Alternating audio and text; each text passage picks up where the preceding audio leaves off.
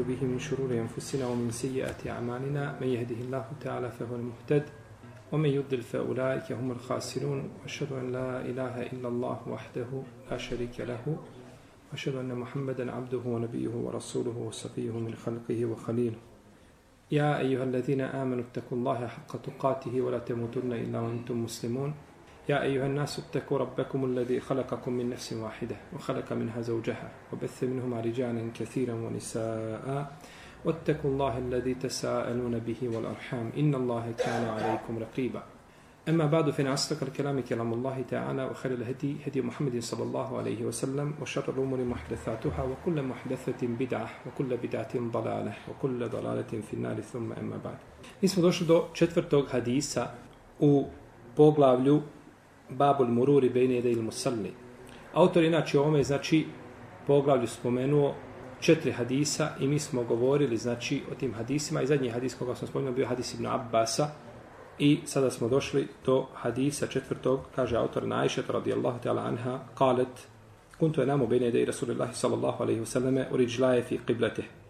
فإذا سجد غمزني فقبضت رجلي فإذا قام بسطتهما والبيوت يومئذ ليس فيها صبيح Od Aisha radijallahu ta'ala anha se prenosi da je kazala spavala sam ispred poslanika sallallahu alaihi wa sallam a moje noge ispred njega u pravicu njegove kible. Pa kada bi učinio seždu, on bi me dodirnuo, pa bih ja skupila svoje noge, a kada bi on ustao na kijam, ja bi ih ponovo pružila. A toga dana u kućama nije bilo nije bilo svjetla, nije bilo, znači, svjetiljki. Aisha radijallahu ta'ala anha, o njoj smo govorili u poglavlju Tahareta, o njenoj biografiji. I u današnje vrijeme, u zadnjem periodu upravo, je, znači, jedna skupina šitskih pokvarenjaka a, počela, znači, govoriti o našoj majici pogrdno. Pa tako izlaze, znači, i govore i dokazuju iz Buharije, predajama iz Buharije, dokazuju kako je Ajša radijallahu ta'ala u džahennem. Insan kada laže treba bar da pocrveni. To je najmanje što se očekuje od njega. To je od kulture kada čovjek laže od dedeba. Da podcrveni. U najmanju ruku. A oni čak ne rade, nego iz Buharije dođu sa predajom da Ajša radijallahu ta'ala tijela da učini od poslanika sam to i to i to. No međutim, to ne smeta Aisha radijallahu ta'ala ona je govorila kada, kada je čula ljude kako vrijeđe Bubekra i Omara nakon njihove smrti, kaže Allah im prekinuo život, a nije htio da im prekine nagradu. To isto kažemo za Ajšu. Allah je prekinuo život, ali želi da njena nagrada teče i da ubire plodove do sudnjega dana zbog toga što će jedni zbog svoje majke u džahennem, a drugi će zbog svoje majke u džennet. Ne smeta Aisha radijallahu ta'ala anha to što ovaj što govore maloumnici, pokvarenjaci, ona je majka vjernika wa ezvađu ummehatuhum, a njegove žene su njihove majke. Aisha je žena poslanika, salasaleme, čak i kod njih. Niko to nije negirao. Pa šta ćeš od čovjeka koji vrijeđa sam svoju majku? Dovoljno je to što je Aisha radijallahu ta'ala žena poslanika sallallahu alaihi wasallame i što je oženio objavom. Ženitba poslanika sallallahu alaihi Aisha je bila objavom. Ko zna kako? Ima li neko da nam kaže da ga nagradimo? Kako je to objavom Allah oženio? Ona je Allah e, udao Ajšu za poslanika, sallallahu odnosno, je li došla je naredba ženitbe Ajše putem objave. Na san. Ti spokucao na vrata. Molim? Pa on čeka da ti otvoriš. Bravo, Nermine.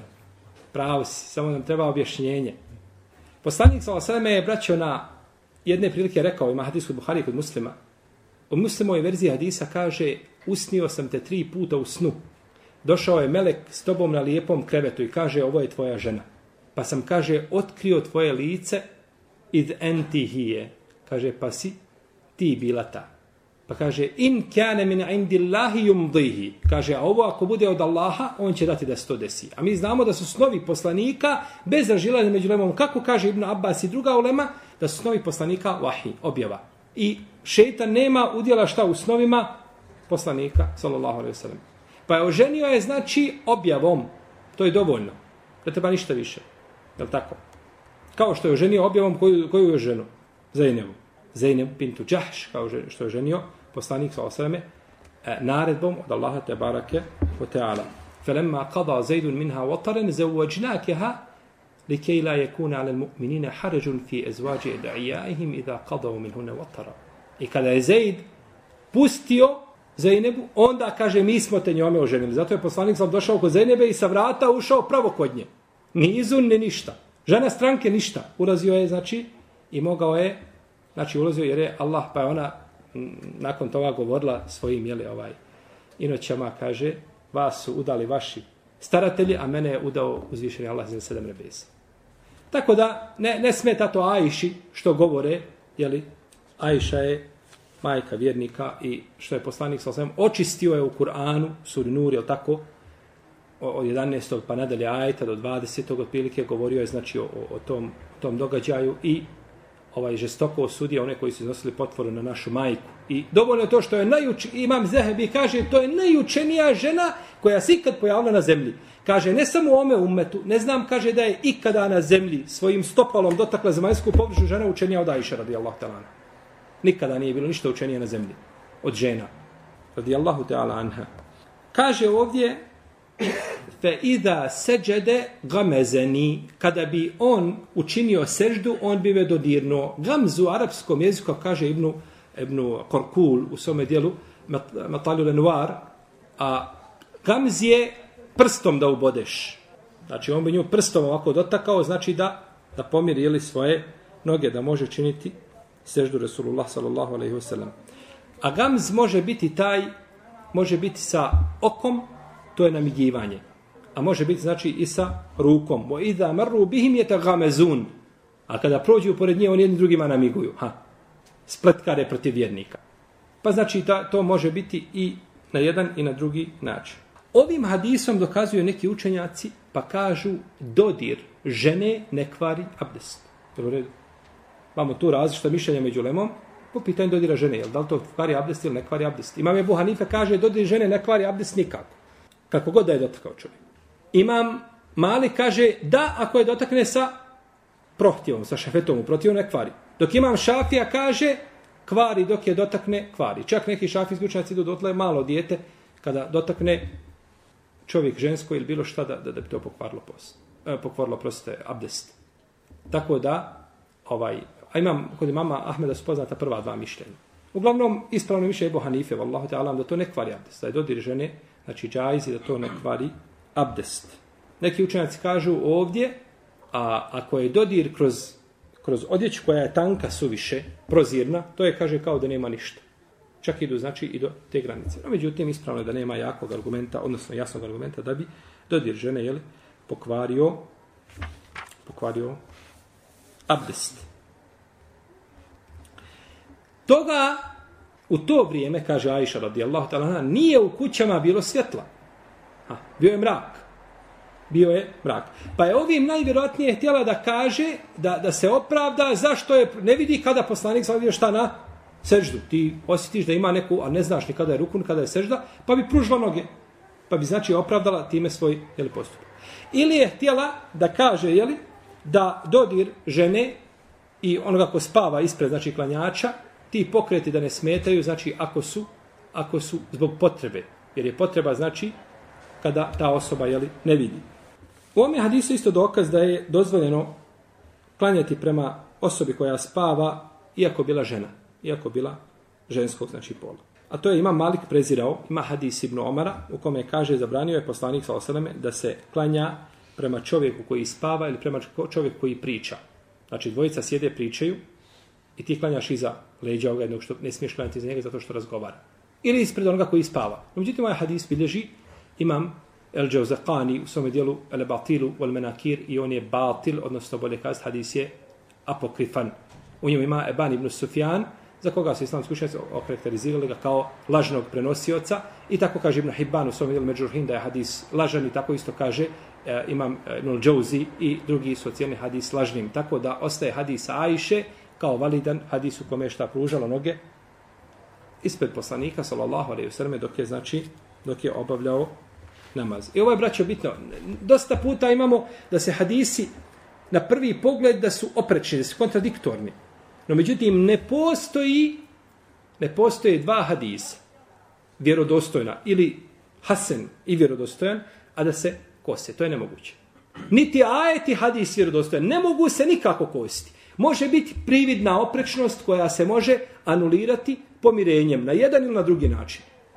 Ali da nađemo dva hadisa da se kose, a oba dva vjerodostojna i da stanemo da ne zna, to je nemoguće. To je nemoguće i zato dok dođe ovako nekakva ha, kontradiktornost među hadisima, odmah znaj najčešće biva da je jedan od argumenta da je daif. Ili da je dokinut, ili da ih treba pomiriti na poseban, ili na poseban način. Pa ovaj hadis nije vjerodostojan, pa postaje općenito znači ispravnosti, jeli, da je dozvoljeno klanjati prema ženi koja pruži noge ispred klanjača. Kaže imam Kadija i Jaob, to je neka ulema, kaže, prezirala, misli na koga? Hm? Imam Malika, hm, to je, on je sredbenih njegove pravne škole, je tako? Kaže, to je neka ulema prezirala, misli da želi da opravda jel, svoga imama, što je realno. Kaže, to je neka ulema prezirala zbog toga što klanjač koji je nekako spava ispred klanjača, je ispred njegove kible i kaže može izaći nešto iz njega, jel? Tako da ovaj to čovjeka dekoncentriše i to uh, skrnavi hurmet namaza, jel? To skrnavi hurmet namaza. A neka ulema kaže da je to bilo dozvoljeno samo poslaniku, sallallahu alaihi wasallame, budući da je njegovo srce u namazu bilo vezano za njegovog stvoritelja, odnosno, jel, bio je ovaj skrušen i nije znači ovaj, a, jeli, nije ga moglo ništa odvoditi lijevo ili desno. Pa kaže, vrijedi samo za poslanika sallallahu Iako je ovo neispravno, zato što kontekst hadisa ne prihvata ovakvo razumijevanje. U hadisu se kaže i toga dana u kućama nije bilo svjetla. Jer poslanik sallallahu alejhi vidio Ajšu. Nije vidio je. Jer pa tu nema razlike između ne znam ko da je ispred tebe da spava kada ne vidiš ništa kao da nema ništa, tako. Tako da ne može se to pripisati znači da ovo bude eksplicitan propis koji vrijedi za poslanika sallallahu alejhi ve sellem, nego je to znači propis koji vrijedi za sve ljude bez ikakve razlike. I ovdje braćo razlika između toga mi smo govorili prethodno. Znači a što se tiče prolaženja ispred klanjača, al tako? Govorili smo da li žena kad prođe presjeca namaz ili presjeca. Šta je presjecanje namaza? Da li je to kvari namaza ili uzmanje od njegove nagrade? Pa smo spomenuli mišljenja po tome pitanju kad smo govorili hadisu ibn Abbas, al tako?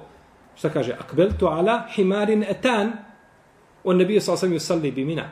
Došao je jašući na, tako, na, na ženki, na magarcu i našao poslanika sa onda klanja mini. Pa smo spominjali tu pitanje, znači žene i presjecanje na, namaza. Ovdje imamo a, pružene noge. Jesu li pružene noge prolazak ispred klanjača? I pružanje nogu samo ispred vraćanje? To nije prolazak. To se ne tretira prolaskom ni jezički, ni terminološki. Kao da kažemo, na primjer, čovjek klanjač klanja i neko ide, neko ispred njega sjedi. I ustane i vidi da neko iza njega i na desnu stranu iziđe. Je on prošao ispred klanjača? Nije. On je otišao, bio ispred njega i otišao na jednu stranu. Znači, to se ne tretira šta? Prolaskom. Tako isto i ovo. Ili ide pravo prema klanjaču i skrene desno. I to nije. Znači, mora proći ispred njega na onoj udaljenosti o kojoj smo govorili da bude manje od tri ili podlaktice. U ovome hadisu isto dokaz da ti mali pokreti u namazu, sitne radnje da ne kvare namaz. Jer poslanik sal svaki put kada bi šta krenuo na seždu, mora je dotaknuti u redu. Kao što smo govorili ono što imam, jeli, kada uči iz mushafa, mora prevrtati list, mora... Znači, to su te sitne radnje koje, inša Allah, da ne smete jeli, u namazu. Neka ulema dokazuje ovim da je dozvoljeno žena da se uzme za, kao sutra u namazu, kao pregrada. Jer je ovdje Ajša bila pregrada poslaniku, sal Nije, to je bilo noge pružene. Možda je bilo ona noge između zida i poslaniku je sam glave. Jer je osuneta da glava bude odmaknuta od zida kad se čini sežda jednu podlakcu, je tako? Možda je u tom periodu, znači jedna podlakca ili mjesto za koliko može jedna ovca da prođe, je kako je došlo u hadisu. Tako da ako je pružila noge, znači nije, nije ona bila pregrada poslaniku sallallahu alaihi wa alaihi wa A neka ulema je učenito mrzla da se klanja prema, ili prema čovjeku, ili prema hajvanu, prema bilo čemu da se klanja. Što nije ispravno. Kod Buhari i kod muslima ima hadis od Ibn Omara da je poslanik sa osaleme klanjao, okrenuo bi poprečno svoju jahalicu i klanjao prema njoj. I ulema fakihi kada govore o tome, kažu dozvoljeno je klanjati prema jahalici samo s tim ako bude jahalica krenula, pase, ne znam, deva, krava, ovica, nije bitno, nećeš za njom šta odati da tjeraš svoju sutru, jel? Nego, ako vidiš da se pomjeri, malo da se pomiriš nesmetano, međutim, kažu, neće se hodati za jahalicu. Tako da je ono što je činio. I kaže uh, Buhari u svome sahiju, i tako je činio Ibn Omar. I tako je činio Ibn Omar. Pa nema smetnje Šalo tela da se uzme za pregradu, znači insan ili bilo šta drugo i uh, kaže e, Ibn Omar, kako došao kod Abdurrazaka i kod, kod Ibn Bešejbe, kada ne bi ništa mogao naći, on bi rekao, kaže, voli li zahre. Kaže, okreni mi svoje leđe da klanjam prema njima.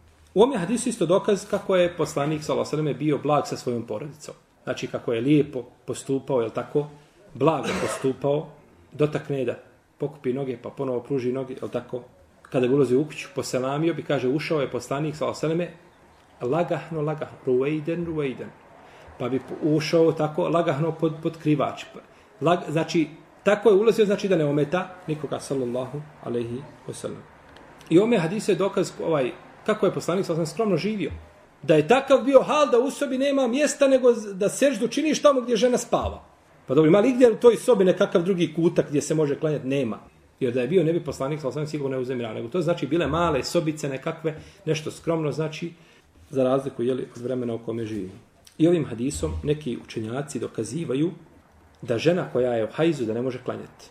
Da žena koja je što u hajzu ne može klanjati. Kako dokazuju? Kažu, Ajša radijallahu ta'ala nije klanjala sa poslanikom sa u džematu, jel? A da nije bila u hajzu, ona bi sigurno ustala i klanjala. Jer ne bi propustala da klanja šta? Namaz kao što Ibn, Ibn, jel, za nije Ibn Abbas došao kod tetke Mejmune i sjedio i pomatra, posmatrao poslanika sa osaname. Kaže, nisam spavao. Ne, kada je ustao, kaže, ja sam se počeo, kaže, protezati ko, jel? Glumi da je spavao, kao da se on slučajno probudio. A kaže, nisam, nego sam ga cijelo vreme promatrao ga ispod oka. Kada će ustati, kaže, da klanjam za njim. A tad nije imao nikako više od 10 godina. Maksimalno mogu imati 10 godina. Jeli, u stvari, jeli, kaže da imao 13 kada je poslanik sa preselio. No, međutim, može li se zaključiti da Isa Dajša bila haed? Jer mogla biti bolesna. Mogla biti bolesna. Mogla biti, mogla biti umorna. Znači, jel, ne mora značiti da, da, da je bila u ciklusu, to bi bilo izvještačeno, to bilo uzimanje dokaza iz argumenta, argu, a argumenta to ne ukazuje nikak. Znači, ne može, ne može se razumijeti, ta, takvo razumijevanje ne bi bilo, znači, ispravno. To je bilo nešto u hadisu Ajše radijallahu ta'ala na budući da smo mi govorili o ovoj tematici, jer pitanja sutra je prolaska ispred klanjača, pa smo doticali se mnogih detalja koje se tiču ovoga pitanja, pa nećemo ponavljati istu stvar. I time smo završili ovo poglavlje i narodno je poglavlje Babu Džamije i o tome ćemo inšallah ta'ala govoriti u našem narodnom govoru.